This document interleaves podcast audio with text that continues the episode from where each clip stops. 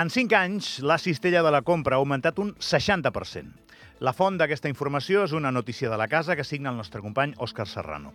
Un 60% és una pasta. No parlem de pasta de menjar, parlem de pasta de parner. I per càlcul de probabilitats quedarà molt per sobre del que t'hagin pogut pujar el sou a tu i a, i a ningú, si no has tingut molta sort o t'ha tocat l'euromillones. La informació està feta en relació a l'augment de l'oli, la carn, el pa o l'arròs, és a dir, quatre elements bastant bàsics en la compra setmanal. Informacions com aquesta venen a ser la radiografia amb diagnòstic incorporat, allò que més o menys tothom va identificant que passa, i és que aplicant la mateixa pasta que fa 5 anys compres moltes menys coses. Fas menys coses amb els mateixos diners. En els entorns amb possibilitats econòmiques acomodades, això no deixa de ser una picó, que grates una miqueta i es passa, continues. En els entorns en els que la cosa ja anava justeta, aquests augments del preu de la vida posen unes quantes famílies en el llindar de la precarietat, o de la pobresa, gairebé. I en els que ja estaven circulant per la pobresa o la precarietat, doncs aquesta inèrcia els ha posat en la caritat, on les xarxes de cobertura social que, per sort, aquest país ha anat construint els darrers temps els salven. És una mica les onades i el mar. Cada vegada les, les vas sentint més a prop. I arribats a aquest punt de l'editorial, fins ara totalment descriptiu, les preguntes segueixen flotant. I no són poques. Què fem?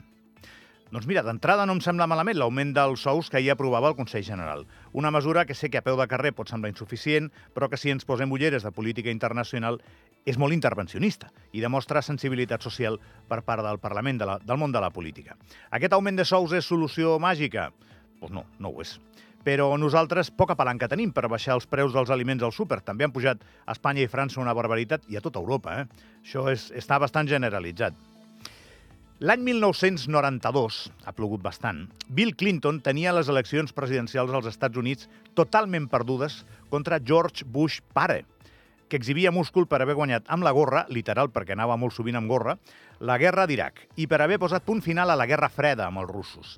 Clinton va començar a dir en campanya, guiat pels seus assessors, és l'economia, estúpid, referint-se a bona part dels mals del país.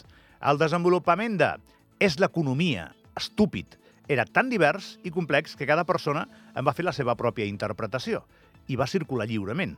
Va ser un hit de l'estratègia política que encara avui es comenta sovint. Clinton va guanyar aquelles eleccions. Sigui quin sigui el futur del nostre petit raconet de món, hauríem de mirar que a cada problema poguéssim posar nom i cognom i possible recepta, en, també en format local, per no caure en la temptació de dir que tot és l'economia, estúpid. I dins d'aquest clima m'agradaria destacar el bon to general del quilomètric Consell General d'ahir.